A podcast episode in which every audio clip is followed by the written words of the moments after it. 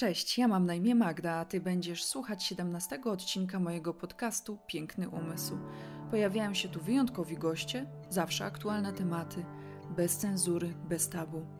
W tym odcinku moim i twoim gościem jest Joanna, którą znamy z profilu na Instagramie Dziewczyno Działaj. Naszą rozmowę możesz obejrzeć również na YouTubie. W tym odcinku rozmawiamy o wysokiej wrażliwości, o tym czym ona jest i jak z nią żyć – o jej licznych zaletach i trudnościach, które nam przysparza. Dlaczego odpoczynek u osób z wysoką wrażliwością jest tak ważny i jak radzić sobie z przebodźcowaniem, dowiesz się m.in. z naszej rozmowy.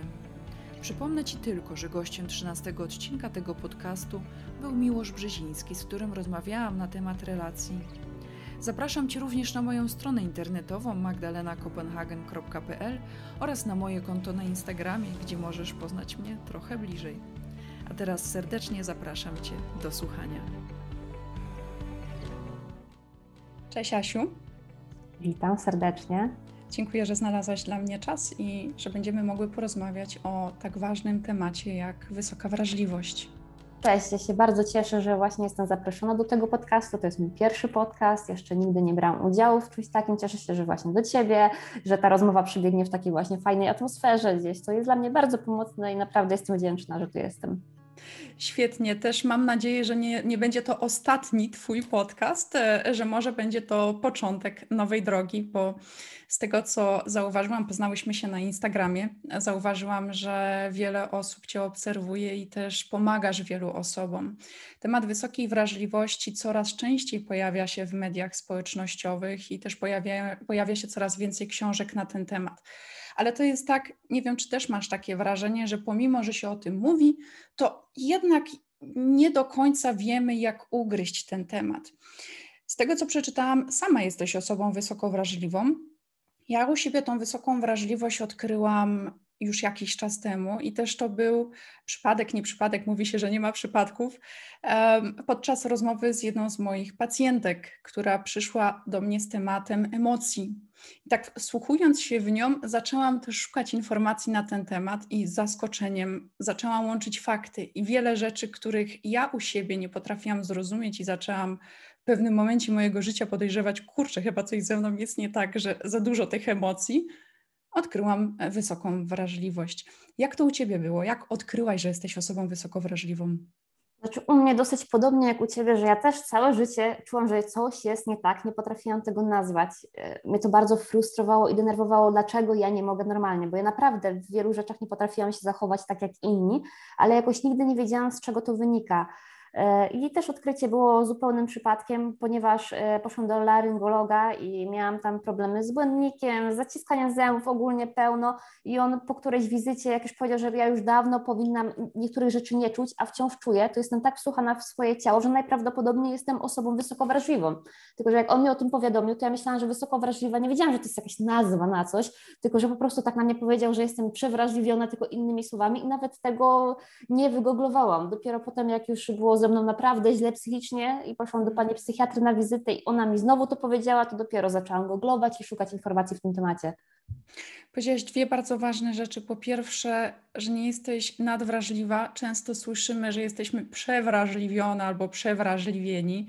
Nie wiem jak ty, ale ja słyszałam w swoim życiu wiele takich określeń pod tytułem weź się w garść, przesadzasz, wyolbrzymiasz e, i tego typu różne przymiotniki.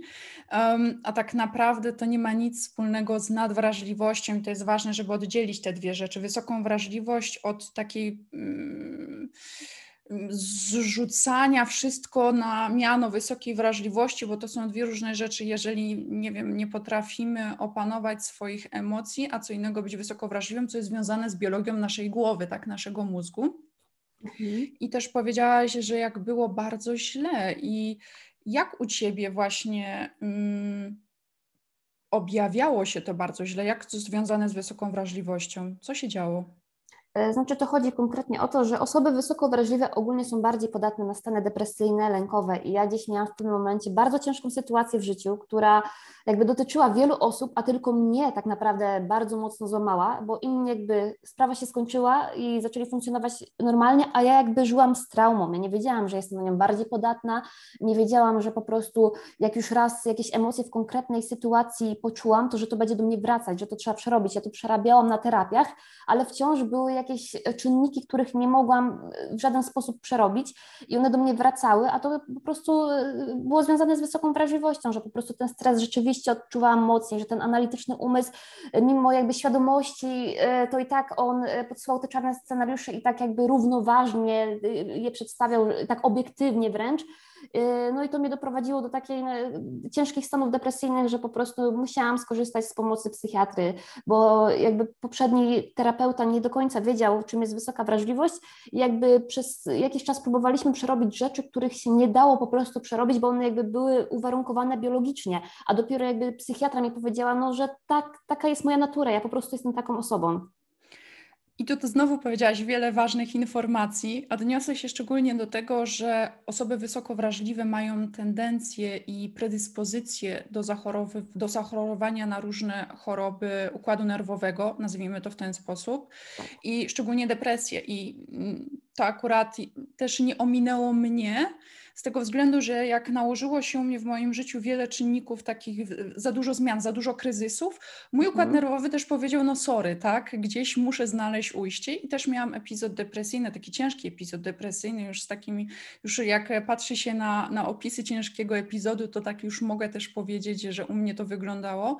I dzięki temu, że już, ja już wcześniej wiedziałam, że jestem osobą wysoko wrażliwą i też szybciej potrafiłam rozpoznać to w sobie, dlatego tak ważna jest ta wiedza i to, co powiedziałaś, że terapeutka nie wiedziała, też miała prawo do tego, tak? Nie miała prawo, to jest dosyć jakby nowe odkrycia, więc jak najbardziej. Dokładnie.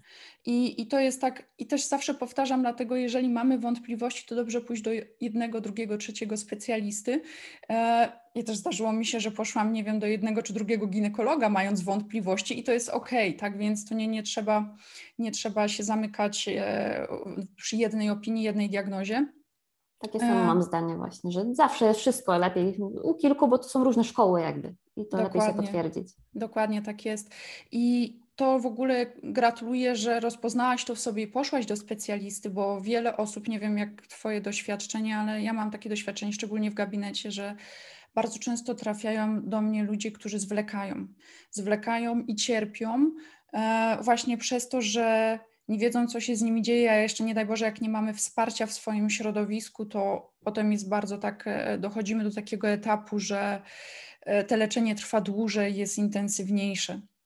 No to właśnie ja tak powiem, że chyba u mnie to jest kluczowe, że ja miałam to wsparcie, bo myślę, że to jest też coś taki paradoks, że ja też miałam dosyć ciężkie te stany depresyjne, ale my mamy takie inne wyobrażenie o tym stanie, że to się kompletnie nie funkcjonuje, a to jest tak, że kilka dni normalnie wstaniesz coś zrobić, a zrobisz, a kolejnego dnia no nie masz siły się podnieść z tego łóżka. I ja sobie wyobrażam, że już do psychiatry to się kwalifikuje, jak już kompletnie mam y, myśli samobójcze i już jestem jakby na tej krawędzi, a to tak wcale nie jest. I gdyby jakby z boku ktoś obiektywnie nie spojrzał na to, że to już jest ten moment, że sama ta terapia mi nie pomaga, że już pora skorzystać gdzieś tam dalej z pomocy, no to y, może też bym zwlekała, tak mi się wydaje. Mm, tak, tak, to ma duże znaczenie, to wsparcie i też powiedziałaś to, co jest typowe dla osób wysoko wrażliwych, analityczne myślenie i natłok myśli. To jest tak, że każdy z nas e, doświadcza takich momentów w życiu, że nie wiem, ma natłok myśli, że ma, zaczynają się pojawiać problemy ze snem, ale to jest tak, że przy WWO, skrót, e, to jest właśnie skrót dla tych osób, które nie znają, my mamy tak, że to jest częściej. I to jest tak, tak, że słuchaj, ja nawet wczoraj w ogóle, co jest taka świeża sytuacja, wczoraj położyłam się spać około 23, ja zasnęłam o godzinie drugiej. I to jest tak, że pomimo tej świadomości, dobra, dzięki tej świadomości ja się nie maltretuję e, myślowo, ok, powinnam spać i nie mogę, po prostu ok, jest jak jest. Miałam bardzo dużo przeżyć w ciągu dnia i to jest to, co jest dla właśnie mm, dla nas charakterystyczne, że wystarczy za dużo bodźców, no już mamy po śnie, już mamy tak. rozchwiany e, system nerwowy, już mamy rozchwiane w ogóle nastroje i to, co powiedziałaś, bardzo ważne, że to nie musi być, my nie musimy być cały czas w tym stanie i to wystarczy naprawdę jakieś większe wydarzenie, gdzie nasz system nerwowy jest dla niego za dużo, To jest tak, ja nie wiem, ja to o, o, w, w, mojej opinii ja to opisuję, że ja wchodzę potem do swojej skorupki i muszę odpocząć. Tak najchętniej tak, bym weszła do, takie, naładować. tak, do takiego inkubatora, gdzie w ogóle nie ma żadnych bodźców i odczekać. I potem normalnie funkcjonuje. Tak więc to jest to, że to, co dla innych jest jeszcze takie ok, to dla nas już jest takie wow, nie? Wielkie. Tak, to jest za dużo. Rzeczywiście, naj, o, tak najbardziej ogólnie mówiąc, to wysoka wrażliwość polega na tym, że my mamy jakby biologicznie uwarunkowany układ nerwowy, który po prostu łatwiej przeciążyć. I jakby jest wiele badań, że znajdujemy się w dokładnie tej samej sytuacji, co osoba niewysoko wrażliwa, a nasz umysł reaguje o wiele bardziej, zarówno pozytywnie, ale też jak i negatywnie. I oba jakby te stany, czy to pozytywne, czy negatywne, zabierają nam bardzo dużo tej energii, przez co no nie jesteśmy w stanie być ciągle jakby na najwyższych obrotach i jeżeli mieliśmy intensywny dzień, to jeszcze osoba nie wysoko wrażliwa chętnie pójdzie na imprezę, a my nieważne, czy to był super dzień, czy bardzo zły dzień, raczej wolimy już e, wejść do łóżka, bo już no, nasz organizm jest po prostu wykończony. Kolejna ważna rzecz, to nie, mus, nie musi chodzić o e, takie momenty, które są negatywne, które nas e, żeby nas coś obciążyło, to nie musi być negatywne, to mogą być właśnie też dobre wydarzenia. I nawet jak ja mam tak, że są jakieś w ciągu dnia jakieś sukcesy odnoszę, czy fajne sytuacje, to potem też fakt tak, jak mówisz, ja nie jestem w stanie nigdzie wyjść. Zawsze się śmiałam i mówiłam, słuchajcie, ja jestem tak naprawdę nudną osobą, bo ja to tak odbierałam w porównaniu, oczywiście się człowiek porównuje z innymi i myślałam sobie, kurczę, nie, idą wszyscy na imprezę, ja po prostu już jakbym miała co najmniej 60 lat, zmywam makijaż i idę spać o 22, ale to właśnie wynika z tej wysokiej wrażliwości, że jak dużo się dzieje, niezależnie jak, co. musimy odpocząć. I to jest ważne, słuchajcie, żeby dać sobie ten czas, żeby dać sobie czas i pozwolenie, żeby odpocząć. Jeżeli nie dajemy sobie pozwolenia i staramy się być jak przysłowiowo inni, to w tym momencie przeciążamy nasz układ nerwowy. To tak jakby mieć komputer włączony na najwyższych obrotach 24 godziny na dobę, 7 dni w tygodniu, to ten komputer się w końcu przepali. I nasze tak. przepalenie to są choroby.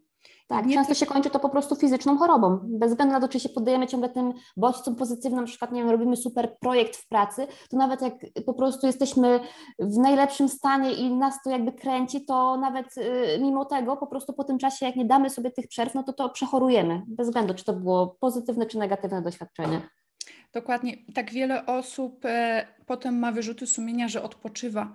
I słuchajcie, właśnie nie, należy odpocząć i nawet częściej wprowadzać sobie takie przerwy w ciągu dnia, czy na koniec dnia, w ciągu tygodnia i nie czekać na ten urlop raz w roku, bo to jest za mało. Osoby, osoby wysoko wrażliwe jeszcze bardziej niż inni powinny dbać o swoje zdrowie psychiczne i właśnie dawać sobie pozwolenie na ten odpoczynek. Na litość boską, jak nie masz ochoty wychodzić ze znajomymi, to nie wychodź, tak? I to jest, nic nie da zmuszanie się, bo potem niestety płacimy za to zdrowotnie, czy zdrowiem mentalnym, czy fizycznym, ale gdzieś tam to wychodzi. Ja też doskonale wiem u, u siebie, jak e, wyprowadziłam się z Polski i wiesz, mając 26 lat, zamieszkałam w Berlinie. Tutaj praca, fascynująca praca, tutaj imprezy. I ja faktycznie miałam tak, że przez trzy miesiące ciągle chorowałam. Nie rozumiałam tego i dopiero gdy odpoczęłam, zaczęło wszystko wracać do normy. Dlatego też cieszę się, że poruszyłyśmy ten temat, że tu nie tylko chodzi o te smutne sytuacje, ale też te radosne, co jest paradoksem tak naprawdę. Tak, to prawda. I fajnie właśnie, że o tym mówisz, że te jakby dopóki nie odpoczyłaś, te choroby nie minęły, bo często jest tak, że osoby, które poddają się tam tym różnym doświadczeniom w nadmiarze, nie potrafią namierzyć i na przykład wtedy się jakby faszerujemy tymi lekami, czy chodzimy po specjalistach, a starczy naprawdę położyć się i paradoksalnie, jak sobie ten jeden dzień więcej tego wolnego zrobimy, to w rezultacie w skali roku powiedzmy więcej projektów ukończymy, czy pracy wykonamy, czy po prostu się rozwiniemy, bo ten jeden dzień wpłynie na to, że nie będziemy mieli tygodnia z głowy przez chorobę, tylko po prostu będziemy mogli dalej normalnie funkcjonować. Gdzieś nawet czytałam właśnie taką fajną książkę, że jakby na każdą godzinę robiło się 10 minut przerwy, to w rezultacie i tak mamy jakby chyba tam dwie godziny więcej energii dziennie, żeby wykonywać mhm. jakieś obowiązki, niż jakbyśmy mieli tą godzinę y, y, robić przerwy na przykład po czterech godzinach. Że niby to samo wychodzi czasowo, ale jednak skutek jest inny, jednak częściej te przerwy. Dokładnie i automatycznie płynnie możemy przejść do tematu stresu, jak sobie z nim radzić, z tego względu, że to, o czym opowiadasz, też uczy mindfulness, czyli trening uważności, a mindfulness dla osób wysoko wrażliwych czy medytację, tre, trening oddechu, oddechu, oddechowy chciałam powiedzieć, właściwie tak i tak można, jest zbawienny. To będzie takie nasze lekarstwo i pozwoli nam zachować równowagę. E, też właśnie Harvard Business Review przeprowadziło badania, że jeżeli w ciągu dnia wprowadzimy przerwy na oddech, przerwy na ćwiczenia uważności, to to, co powiedziałaś, nasza e, efektywność podniesie się diametralnie. Tak więc to nie jest to, że my tracimy czas na odpoczynek. My go potrzebujemy, żeby być jeszcze bardziej efektywni. Tak więc to jest taki paradoks, pomimo, że myślimy, ok, nie, zrobię sobie te 10-15 minut przerwy, ale to się okaże, że pomoże to. Dlatego to jest tak ważne. Jak ty sobie radzisz ze stresem? Czy stosujesz jakieś właśnie techniki? No, już mam kilka takich sprawdzonych właśnie metod e, na stres, przede wszystkim te przerwy. Ja sobie już na nie pozwalam. Jak ja czuję, że już. Ja słucham swojego organizmu przede wszystkim i jeżeli e, czuję, że gdzieś zaczynam czuć lekki niepokój, ja się zatrzymuję i przede wszystkim medytacja, właśnie i po prostu staranie się być tu i teraz, e, bo to jest sprawdzone, udowodnione, że rzeczywiście wtedy ciężej nas wyprowadzić z równowagi. Ogólnie ja też stosuję profilaktykę, że ja nie czekam po prostu do momentu, jak już czuję, że ze mną się dzieje coś nie tak, tylko ja już zawczasu mam jakby swoje rutyny przede wszystkim, bo wysoko wrażliwy, analityczny umysł lubi, jak coś się dzieje w schematach. Po prostu, żeby nie analizować, żeby nie stresować się, że coś jest nie tak, bo on zawsze musi wiedzieć, co się aktualnie dzieje. Dlatego ja stosuję codziennie rutyny, wprowadzam medytację i już po prostu jak przychodzi ten taki dzień, gdzie na nic nie mamy wpływu, bo po prostu nic nie można przewidzieć, to jakby mam, mój układ nerwowy nie wyprowadza się tak łatwo jakby z równowagi, bo ja już zawczasu o niego zadbałam i mam te zasoby, więc ja tak bardziej w profilaktykę idę, bo jak już naprawdę dzieje się taka konkretnie stresowa sytuacja, no to nie, nie, ukrywam, co by się nie działo, to ja i tak usiądę i się popłaczę po prostu. Ale jeżeli chodzi o takie drobne, że coś nie idzie po naszej myśli, takie, co nas wyprowadzają z równowagi, no to mnie to już nie wyprowadza, bo ja po prostu profilaktycznie e, dbam o ten układ nerwowy i już tak ignoruję to, co nie idzie. Chyba, że naprawdę coś poważnego się dzieje, no to jeszcze nie znalazłam metody, żeby po prostu to złagodzić. Po prostu muszę się wypłakać. I to jest właśnie to. I ten płacz jest ważny i powinniśmy sobie pozwolić na ten płacz.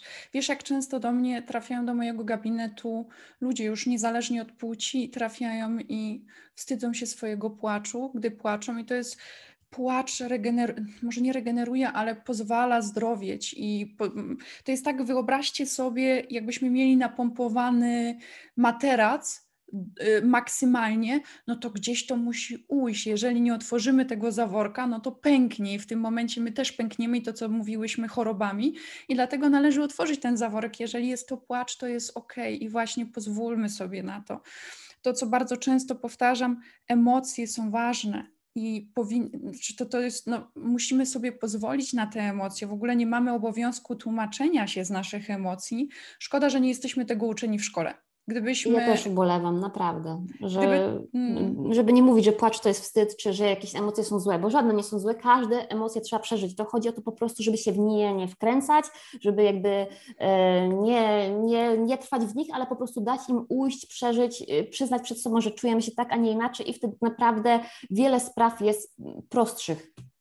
Doskonale to powiedziałaś, właśnie obserwować, akceptować, zmieniać i Dokładnie, to nie chodzi o to, żeby się pogrążyć w tej mm, smutku i żalu, ale sobie też na niego pozwolić. Kiedyś słyszałam takie fajne zdanie jakiegoś amerykańskiego speakera motywacyjnego, że to jest ok, jak nie jest ok, ale to już nie jest ok, jeżeli tam zostaniesz, tak? I potem też e, odniosę się, nie wiem, czy znasz Jacka Walkiewicza, jego przemówienie Znam. na TEDxie, gdzie właśnie nie wiem, czy na tym przemówieniu, czy w książce już przeczytałam, bo wiesz, potem to wszystko się Mm, miesza. Jacek Walkiewicz powiedział, że jeżeli upadniesz, to ty nie musisz od razu wstawać. Możesz sobie tam poleżeć, albo się potem wyczołgać i zastanowić się, po co to było, sobie posiedzieć. I, i, i oto to jest ważne, tak? Że, żeby sobie na to pozwolić. I jeszcze a propos tych różnych technik, też e, to jest tak, jak e, czasami zastanawiamy się, dlaczego latami trzeba trenować sztuki walki, żeby w ogóle obronić się. No wyobraźcie sobie, że jak, nie wiem, powiedzmy karate, pięć lat trenowania karate, służy nam po to, że jak jesteśmy w sytuacji, która wymaga szybkiej reakcji, to sobie nie staniemy z telefonem, powiemy, czekaj, czekaj, ja sobie muszę wygooglować, co ja muszę zrobić. I tak to jest właśnie czy u osób wysoko wrażliwych, czy w ogóle u każdego człowieka, żeby właśnie stawiać na prewencję. Bo jak my mamy tą sytuację stresującą, jakąś stresową, nie wiem, wypadek bierzemy udział w wypadku, to my się sobie nie siądziemy, ok, to ja powinnam teraz wziąć 10 głębokich wdechów i to, i to, i to. Nie, nasz mózg wtedy jest zalewany wszystkimi możliwymi hormonami stresu i nie wpadniemy na to, dlatego ćwiczymy codziennie. Zanim się coś wydarzy, ćwiczymy codziennie. Słuchaj, no ja mm, praktykuję medytację od ponad 10 lat, jakieś 12 lat i gdyby nie to, to Oczywiście były momenty, że robiłam to regularnie, potem nieregularnie i od, od, kiedy już wiem faktycznie, że jestem e, osobą wysoko wrażliwą, to robię to regularnie, żeby właśnie się uchronić, to mi pomaga. Ja na przykład efektem mojej wysokiej wrażliwości była zdiagnozowana astma skrzylowa.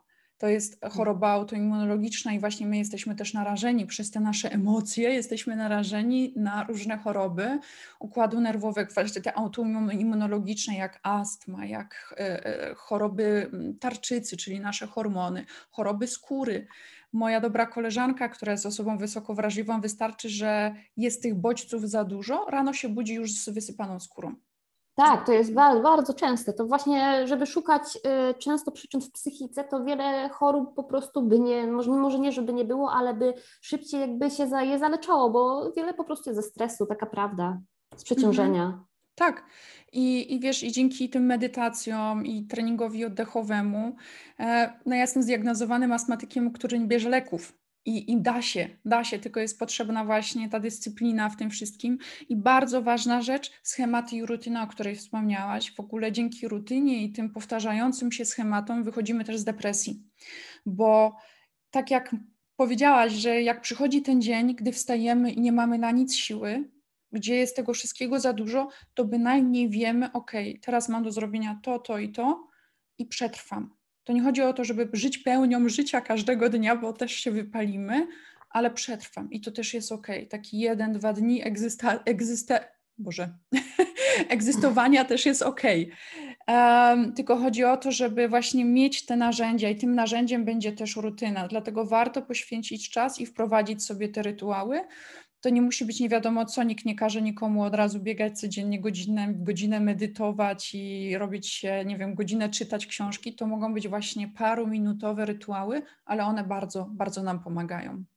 Tak, to nawet mogą być takie codzienne czynności, tylko żeby one po prostu odbywały się zawsze w tej samej kolejności, czyli po prostu wiemy, że wstajemy, najpierw y, y, idziemy do toalety, żeby tam y, umyć skórę, włosy przygotować, potem idziemy, jemy śniadanie, wypijamy kawę, żeby to takie jakby takie małe rytuałki po prostu odbywały się w kolejnej takiej jakby ułożonej kolejności, żebyśmy mogli jakby tak sobie w głowie odhaczyć, że to, to, to i w tym momencie naprawdę to już wiele daje, a jeżeli dołożymy do tego chociaż 10, 10 minut medytacji, to już jest naprawdę super, to już wtedy naprawdę jest porządna rutyna, która naprawdę wzmocni układ nerwowy przed tym, żeby się łatwiej e, po prostu przebodźcować. Mhm. Dokładnie, jak takie sytuacje stresujące będziemy mieć, bo będziemy mieć, to jest życie, tak? No, życie się mhm. składa z różnych sytuacji, to będziemy odpowiednio przygotowani. A gdy taka sytuacja już nadchodzi, a jeszcze nie mamy wyćwiczonego tego treningu uważności czy medytacji, słuchajcie, oddechy. Oddechy to jest, tak. tak. często nie doceniamy, oddechy i sen nawet bym powiedziała, żeby się wysypiać. Szczególnie my potrzebujemy tej regeneracji. Um, nie wiem jak ty, ale ja na przykład, żeby się wyspać, muszę mieć ciszę, spokój i najlepiej, żeby było całkowicie ciemno. I Musi zadbajcie ciemno, e, żadnych odgłosów, dokładnie. Nie, nie, może być telewizora w tym pomieszczeniu, a przynajmniej wyłączony, nawet nie, ja nie umiem na przykład zasnąć przy grającym tele, telewizorze. No, chyba bym musiała być naprawdę bardzo zmęczona, żeby to wyszło, a i tak nie jestem pewna, czy by mi się udało. Dokładnie i warto zadbać o to, takie podstawowe rzeczy, tak? Więc to nie jest jakieś czary mary, nie wiadomo jakie, ale już jak zadbamy o tą higienę snu, o to, żeby właśnie oddychać, świadomie oddychać, to to uchroni nas przed e, wieloma problemami zdrowotnymi. Jestem też ciekawa Twojego zdania na temat zawodów, które wykonują osoby wysoko wrażliwe. Bardzo często dostaję takie pytanie, jaki zawód jest najodpowiedniejszy. Też jak e, Przypuszczam, że czytałaś książkę Wysoko Wrażliwi Elaine Aron. Elaine Aron też tam wypisuje parę przykładów i ucieszyłam się, jak przeczytałam, że tam właśnie terapeuta, nauczyciel, czyli takie zawody, które dajemy z siebie, ale w miarę spokojne. No ale też nie ukrywajmy, że są zawody, w których osoby wysoko wrażliwe spełniają swoje funkcje i raczej do najspokojniejszych nie należą. Na przykład e, policja, na przykład e, lekarze, gdzie jednak ten stres jest duży. No, nawet zawód, który ja wykonuję, terapeuta, psychoterapeuta, gdzie jesteśmy obciążeni. E, czy masz jakieś doświadczenie w tym temacie? E, tak, z takich informacji, bo czytam dużo opracowań w tym temacie, bo kiedyś w ogóle chciałam e, tylko pod tym kątem interesować się wysoką wrażliwością, bo jednak praca jest ważnym elementem naszego życia, musi, to jest jedna trzecia naszego życia tak naprawdę i bardzo mocno wpływa na to, jak w ogóle wygląda jego jakość i czytałam ogrom opracowań w tym temacie. I teraz tak po wielu wnioskach doszłabym do takiego może punktu, że by skupić na tym, żeby praca nie była pod taką ogromną presją, że na wyniki, że musimy wykręcić konkretny wynik, bo nawet jeżeli byśmy byli w stanie, ale ktoś nad nami jakby każe ten wynik e, wykręcić, to już automatycznie uruchamiają się u nas takie mechanizmy, e, na przykład niektórzy w stresie produkują więcej adrenaliny, my z tego co tam kojarzę kortyzolu, albo on też u nas po prostu w organizmie dłużej zostaje, no i my nie jesteśmy w stanie działać pod presją, w stresie. Tak samo przez to, że my jakby wczuwamy się w położenie drugiej osoby, absolutnie nie ma szans, żebyśmy na przykład sprzedawały rzeczy, które, w które nie wierzymy, że na przykład, nie wiem, każą nam starszym osobom wciskać jakieś tam umowy, no nie ma szans na taką pracę i to jest bardzo po prostu ciężka, toksyczna praca dla osób wysoko wrażliwych, ale uważam właśnie, że jeżeli y, potrafimy jakby pracować z własnymi emocjami, to jak najbardziej uważam, że powinniśmy, albo najlepiej może nadamy się do pracy z ludźmi właśnie, bo my przez tą naszą empatię, przez to umiejętne wczuwanie się w położenie drugiego człowieka, że my nie musimy mieć takich doświadczeń, a my naprawdę rozumiemy jego rozterki. Dla nas to nie jest jakby, co on mówi, że z kosmosu, czy co on odczuwa, tylko my jakby potrafimy współodczuwać. Dlatego uważam, że właśnie wszyscy y, psychoterapeuci, nauczyciele, lekarze, jeżeli potrafi się zarządzać swoimi emocjami, jakby stosuje się tą medytację, te wszystkie detale tak naprawdę, naprawdę, które nie, nie wymagają jakiegoś wielkiego poświęcenia, a naprawdę dużo nam dadzą, to jest po prostu coś wspaniałego, żeby takie zawody wykonywać, bo wysoko wrażliwe osoby są potrzebne w takim miejscu.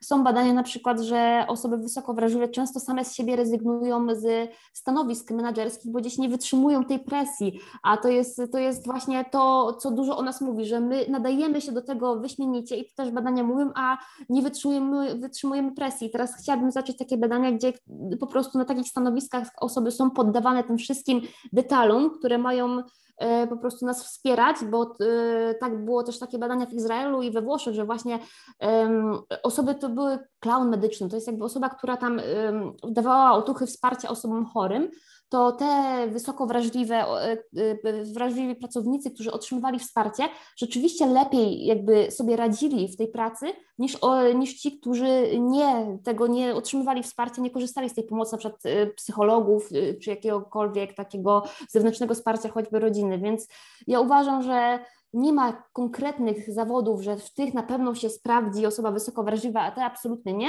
Po prostu, żeby tak unikać pod presją e, tego, co nie jest z nami zgodne i nie bać się tych ludzi, bo często się mówi, że z ludźmi to jest takie zbyt wypalające, że za bardzo dużo bodźców i że najlepiej tylko introwertycy, ale ja się tak, no ja osobiście się z tym nie zgadzam. Myślę, że jeżeli zadbamy o detale, to poradzimy sobie świetnie właśnie jako, jako lekarz, gdzie tego stresu rzeczywiście jest dużo, czy jako terapeuta, który po prostu ma do czynienia z tymi historiami naprawdę czasami bardzo nieszczęśliwymi, ale no kto jak nie my, że tak powiem, bardzo empatyczni ludzie.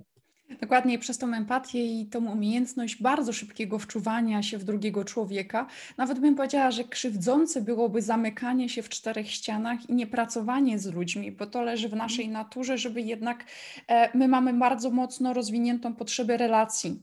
I stąd też te zawody, o których wspomniałyśmy. Oczywiście, że to jest tak, ale to jest naprawdę kwestia wyćwiczenia, też wiedzy i praktykowania różnych metod, które pozwolą nam za, na zaprzyjaźnienie się ze swoimi emocjami um, i dzięki temu jesteśmy w stanie pracować z innymi i nie przejmować tych wszystkich emocji. Tak jak wspomniałaś, chociażby w mojej pracy, czy psychologa, czy psychiatry, gdzie zderzamy się z bardzo trudnymi tematami.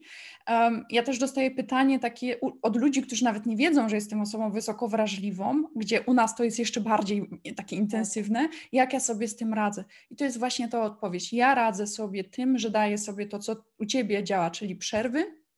Ja na przykład bardzo uwielbiam chodzić na spacery do lasu w ogóle mhm. wychodzić do natury, gdzie tych bodźców jest naprawdę, no, są naturalne i nie są takie obciążające.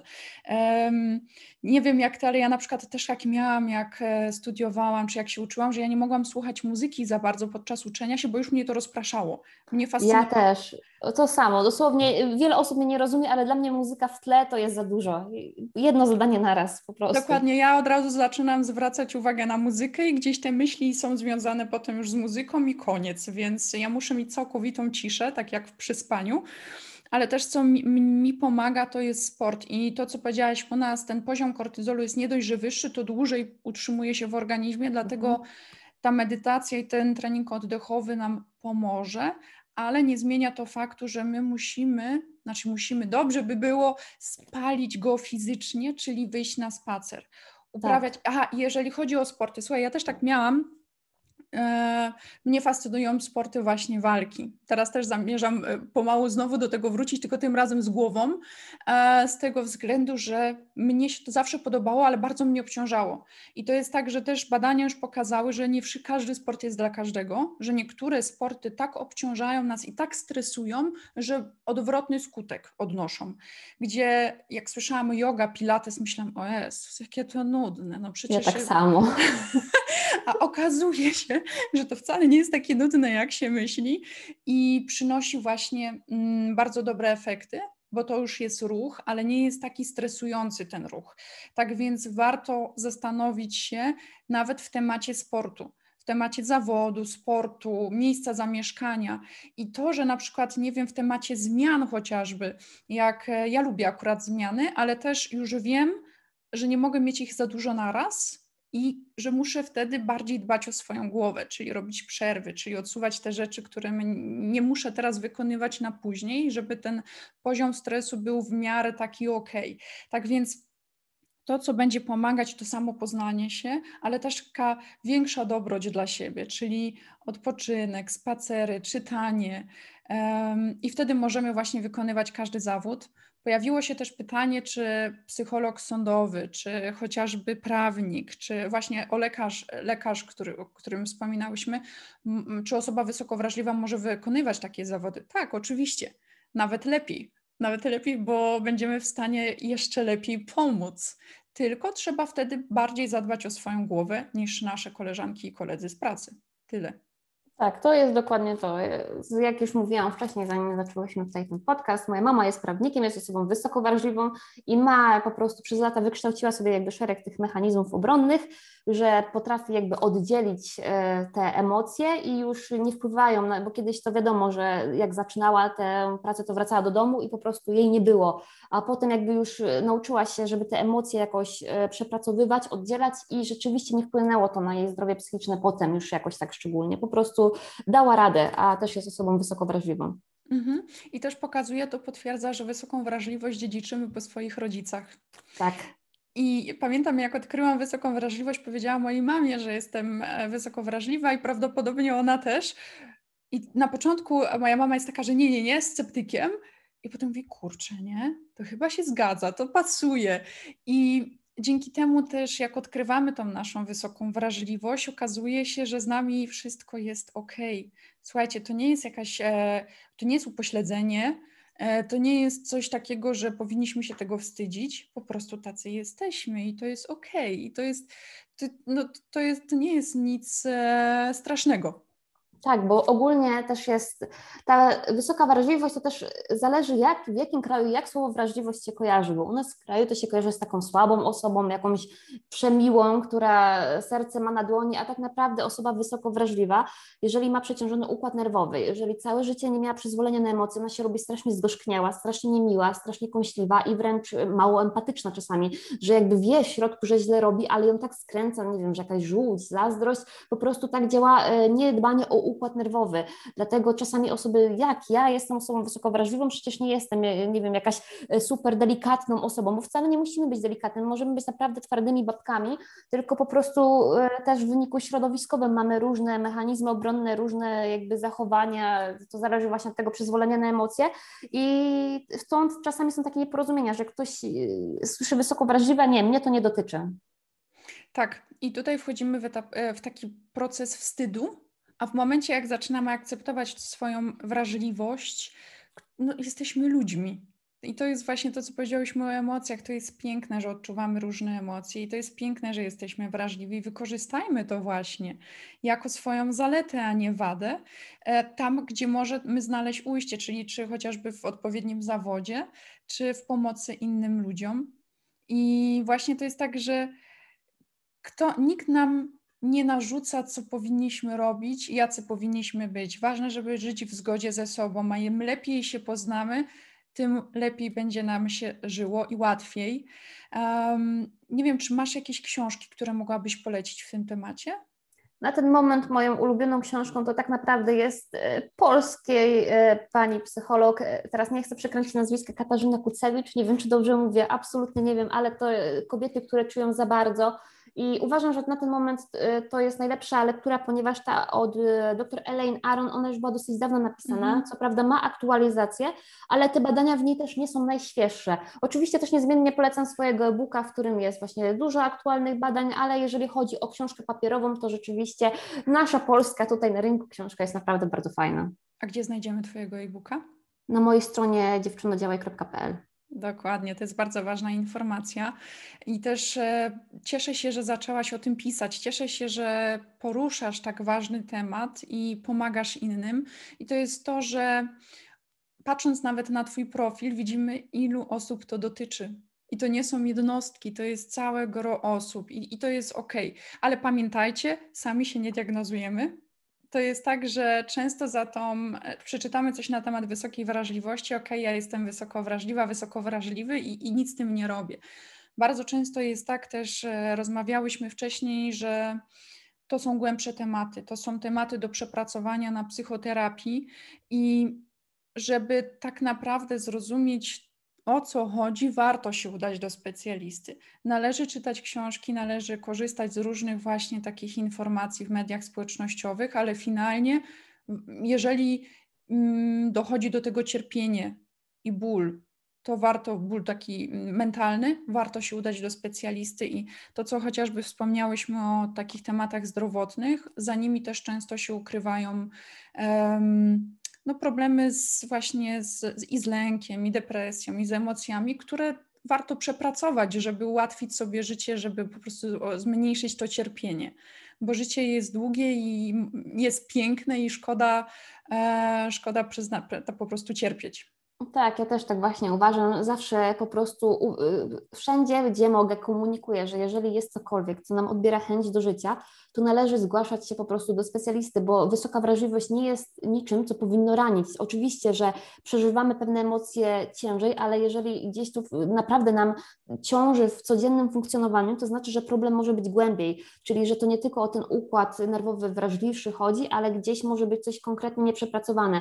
I wysoka wrażliwość e, wpływa na to, że rzeczywiście jest nam w niektórych sprawach ciężej, ale w niektórych lepiej, ale w żadnym wypadku nie powinno być tak, że ona nam w jakiś sposób mocno życie ogranicza, e, że gdzieś e, zaburza nasze codzienne funkcjonowanie i jeżeli coś takiego się e, po prostu pojawia, to należy naprawdę iść i nie bać się tych specjalistów, psychoterapeuty, psychiatry, bo to jest ogromna pomoc, ogromna jakby jak, nowa inna jakość życia i naprawdę warto, ja uważam.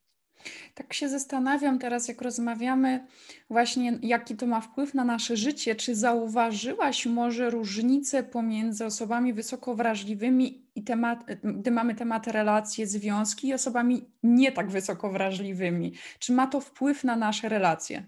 Znaczy, to, to tak mówię tylko właśnie ze swoich obserwacji, to nie jest nic, co jakby przeczytałam może w jakichś badaniach. Zauważamy, że jeżeli chodzi o relacje, to jak my się bardziej do nich przywiązujemy, y, jakby może bardziej romantyczne nadajemy im jakby takie znaczenia, e, gdzieś e, to jest taka różnica, że e, jakby może mamy, no nie wszyscy, ale często mamy takie romantyczne dusze, że tak powiem, ale to też pewnie zależy od wielu czynników. w relacjach międzyludzkich jest tak, że jak ktoś nas zrani, to często czasem nam wybaczyć, w sensie, że mimo prób jakby ta osoba kojarzy nam się z tymi konkretnymi emocjami ciągle i naprawdę chcemy, żeby było normalnie, ale jakby jest ten taki wewnętrzny niesmak i to też myślę, że jest dosyć charakterystyczne dla osób wysoko wrażliwych, żeby po prostu nie umiemy tak od razu przejść do codzienności, że gdzieś ten ból pozostaje, że ta osoba już nam się kojarzy z jakimś zranieniem i to też jest dosyć charakterystyczne.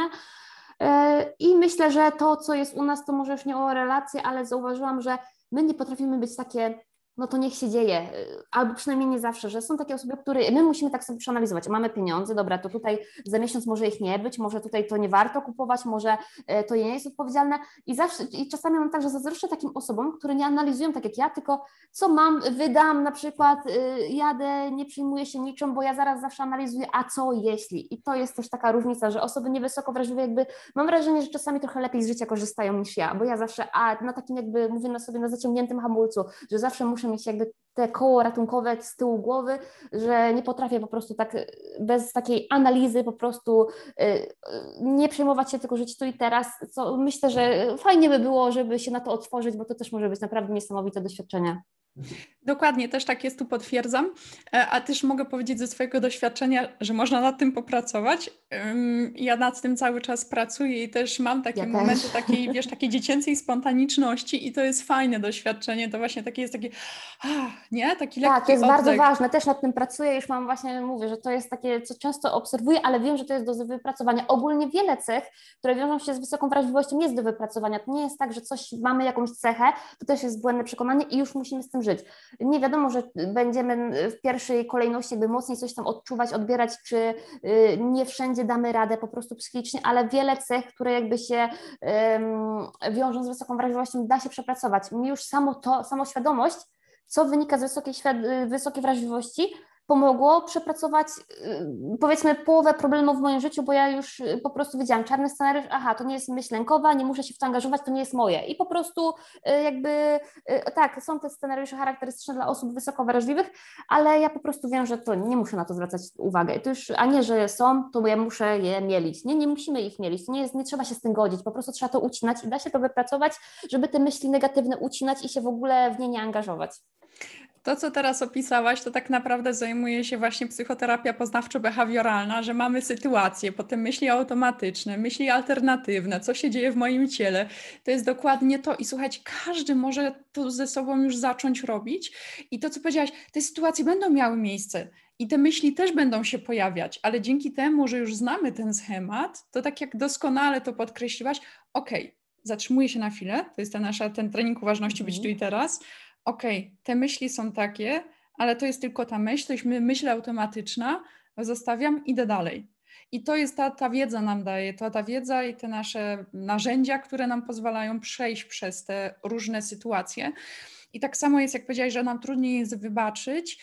Um, I to też jest ok, żeby dać sobie czas. Ja na przykład mam tak, um, każdy z nas jest inny. I to jest, słuchajcie, to nie jest tak, że jak mamy listę cech osoby wysoko wrażliwej, że każdy musi je spełniać. Jak widzicie. Nie, wariantów widzisz... genetycznych jest mnóstwo i to naukowcy udowodnili, że każdy może nie dość, że to środowisko gdzieś tam stymuluje jeszcze pojedyncze cechy, to sam wariant genetyczny może być, że po prostu nie u każdego te same cechy występują, więc to też jest ważne. Tak, i tak jak widzisz, tak jak widzicie, ja mam tatuaże, i gdzie osoby wysoko wrażliwe są też bardzo wrażliwe na dotyk, to na przykład, dobra, to nie to, że sprawia mi przyjemność, jak ktoś maszynką jeździ po mojej skórze, bo to naprawdę nie jest dla mnie przyjemne. Ja lubię już sam efekt, e, ale to jest dla mnie ok. I są osoby wysoko wrażliwe, które w życiu by sobie na to nie pozwoliły, bo by umarły przy pierwszej w ogóle kreseczce. Ale za to u mnie się to objawia inaczej, ta wysoka wrażliwość na zapachy, ekstremalnie i na dźwięki. To jest tak, że ja potrafię iść ulicą, gdzie zapachy są zbyt intensywne, ja muszę natychmiast zmienić ulicę, albo na przykład w pomieszczeniu jakimś jestem, ja potrafię wyjść ze sklepu, gdzie ten zapach jest bardziej intensywny. No a z dźwiękami to też e, są takie historie. Teraz, tak jak mówię, już mając tą świadomość, lepiej nad tym panuję, chociażby używam do tego. E, wiedzy z hipnozy, że daję sobie wcześniej sugestie, że wszystkie dźwięki, które słyszę, wprawiają mnie w jeszcze większe rozluźnienie albo coś takiego. Tak. I to pomaga. Z tego względu, że wcześniej było tak ekstremalnie, że jak nie wiem, siedziałam jako uczestnik powiedzmy na sali szkoleniowej i ktoś bawił się swoimi paznokciami, to ja przestawałam w ogóle, do, przestawało do mnie docierać, co się dzieje, tylko ja słyszałam ten paznokieć. Ja byłam w stanie po prostu wziąć patelnik, walić kogoś po głowie, więc to, jest, to są niesamowite historie, ale tak jak mówię, dzięki temu, że to zrozumiałam, to jest mi lżej. I u każdego będzie się to inaczej objawiać. Czy na przykład y, niektórym e, będzie przeszkadzać za głośna rozmowa. Jak po prostu ja czasami mam wrażenie, że ja słyszę, jak wszyscy sąsiedzi chodzą po podłodze, chociaż te pod, tutaj są grube mury, ja to słyszę, ale można się nauczyć z tym funkcjonować, to jest fajne. Tak jak mówię, możemy, nie wiem, ja na, dzięki temu, dzięki temu, co mi wcześniej przeszkadzało, teraz e, staram się na to patrzeć jako zaletę i gdzie medytuję, powiedzmy, siedząc sobie na dworze, zauważam dźwięk, tyle dźwięków, których normalnie przeciętny człowiek nie zauważa. Tak, Więc e, odwróćmy to, tak? Każda moneta ma dwie strony, wykorzystajmy to, każdy medal ma dwie strony, nie moneta. E, wykorzystajmy to i spójrzmy na to jako na zaletę, a nie na wadę i nie na coś, z czym powinniśmy walczyć, tylko oswoić. Ja też mówię, że nie kontroluj. To nie chodzi o to, żeby kontrolować emocje. Ja w ogóle nie lubię słowa kontrolować. Ja też nie. I ja mówię, zaprzyjaźnijmy się, zapoznajmy się ze swoimi emocjami. I tak samo a propos kontroli i też jako rozmawiałyśmy o pracy, o e, właśnie o wynikach, to co jest e, bardzo charakterystyczne e, dla większości, nie mówię wszystkich, dla większości osób wysoko wrażliwych, my nie lubimy konkurować. O tak. Ja na przykład, jak ja miałam brać udział w jakichś konkursach czy wyścigach, to ja już w ogóle, słuchajcie, ja nie. Ja w ogóle nie mam, po pierwsze nie miałam potrzeby, a potem jak już zostałam zmuszona, bo w szkole trzeba było, to mi się w ogóle nie chciało. Ja zawsze mówiłam, że na mnie nie działa kij, tylko marchewka. Więc jeżeli ja jestem pod dużą presją e, czasu, czy w ogóle ktoś na przykład, o, trenerzy sportowi, są trenerzy, którzy cię będą wspierać, robisz dobrze, szybko rób dobrze, a są tacy, którzy na ciebie krzyczą, dawaj. To ja tacy, którzy krzyczy na mnie dawaj, to ja mówię spadaj. więc tutaj u mnie w ogóle nie działa. I ważne, żeby to u siebie rozpoznać. I naprawdę to, co już parę razy powiedziałyśmy, nie musimy być tacy jak inni. Bądźmy sobą. I żyjmy w zgodzie ze sobą. W momencie, jak zaczynamy żyć w zgodzie ze sobą, to właśnie to, co ty powiedziałaś, podnosi się ta jakość życia i poprawia się, i wtedy możemy głęboko odetchnąć też tak właśnie e, super właśnie wnioski, tak samo uważam i też właśnie tak się chcę mi śmiać teraz, jak to mówiłaś o tym trenerze, bo ostatnio rozmawiałam z koleżanką też wysoko wrażliwą, że nie możemy trenować z jedną trenerką, bo jak ona mówi, twój umysł może więcej i dawaj, dawaj, to my już po prostu tam takie, nie, na mnie to nie motywuje, nie? To jak jest już takie na siłę konkurowanie, no to no niestety, no nie mogę. No, y, fajny trening, ale głos muszę wyłączyć, bo im więcej jest dopingu, tym ze mną jest gorzej, ja nie potrafię wtedy działać i to, to jest właśnie też takie charakterystyczne dla osób wysoko wrażliwych, że po prostu no niekoniecznie mamy ochotę konkurować, y, że dla nas jest rzeczywiście ważniejsze to, jak my dojdziemy do celu, niż, jak, niż sam cel w sobie. I to też jest ok, że y, wiele osób jakby wyrzuca sobie, że dojdzie do tego celu na przykład i już się nim nie cieszy, ale może nie, może nie tyle, że nie cieszy, co już y, po prostu szuka jakby nowej drogi, nowych zainteresowań, bo my tak mamy, że na przykład pół roku lubimy robić to, pół roku lubimy robić to, nie, nie czujemy potrzeby bycia jakby mistrzem w jednej dziedzinie, po prostu lubimy nowe rzeczy poznawać i to też jest okej, okay. po prostu dla nas liczy się ta droga właśnie bardziej niż sam cel, osiągnięcie konkretnego efektu, więc czasami musimy popracować nad takim samozaparciem, jeżeli coś jest ważnego, żeby ten projekt doprowadzić do końca, bo nasza natura jakby nie lubi tego po prostu. Doskonale powiedziałaś, tak jak, e, czyli nasz słomiany zapał, często zarzucany i to jest tylko bardzo krzywdzące przekonanie i to też dzięki Jackowi Walkiewiczowi, jego książkom zrozumiałam, że kurczę, to nie jest słomiany zapał, ja po prostu taka jestem i dzięki temu zaczęłam to odwracać jako właśnie zaletę, że interesuję się wieloma rzeczami, że mam wiedzę na temat wielu tematów. Dobra, nie jestem ekspertem i to jest okej. Okay tak więc mhm. ważne jest, żeby poznać siebie, żeby to dać sobie te ok. I wierzcie mi, naprawdę łatwiej się żyje, bo w tym momencie nie staramy się dopasowywać do jakiegoś schematu. My mamy swój schemat.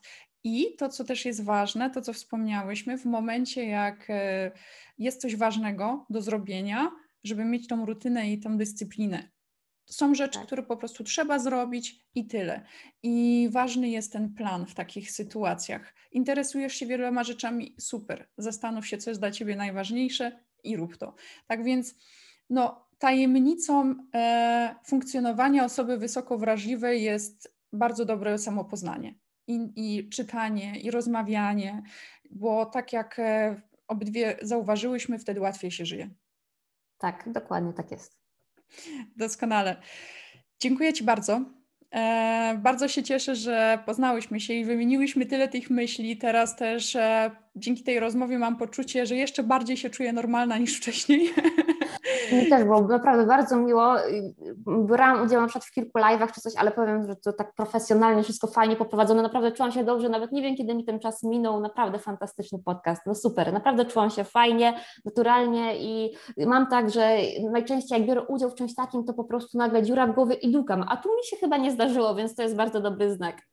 Dziękuję Ci bardzo. Jeszcze przypomnijmy, że możemy Cię znaleźć na stronie dziewczynodziałaj.pl, tak? Tak. I tam znajdziemy Twojego e-booka. Ale też słuchajcie, zachęcam Was, jeżeli macie jeszcze jakieś pytania, jakieś wątpliwości, napiszcie do mnie albo do Asi. Możemy nagrać jeszcze jeden odcinek, możemy porozmawiać na te tematy, poruszyć je, bo te tematy nie są nam obce.